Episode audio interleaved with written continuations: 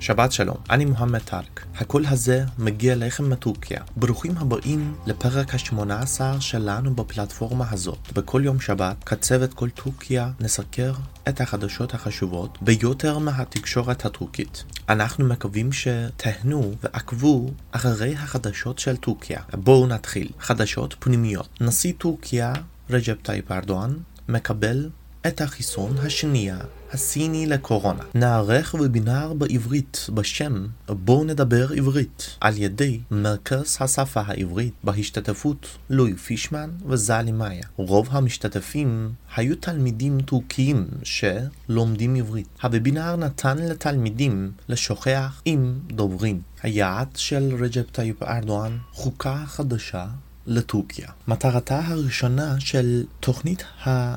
החלל הלאומית של טורקיה היא לממש את הקשר הראשון עם הירח. בבתי ספר בכפרים נעשות הכנות לחינוך פנים על פנים. שר הבריאות הודיע על הנתונים.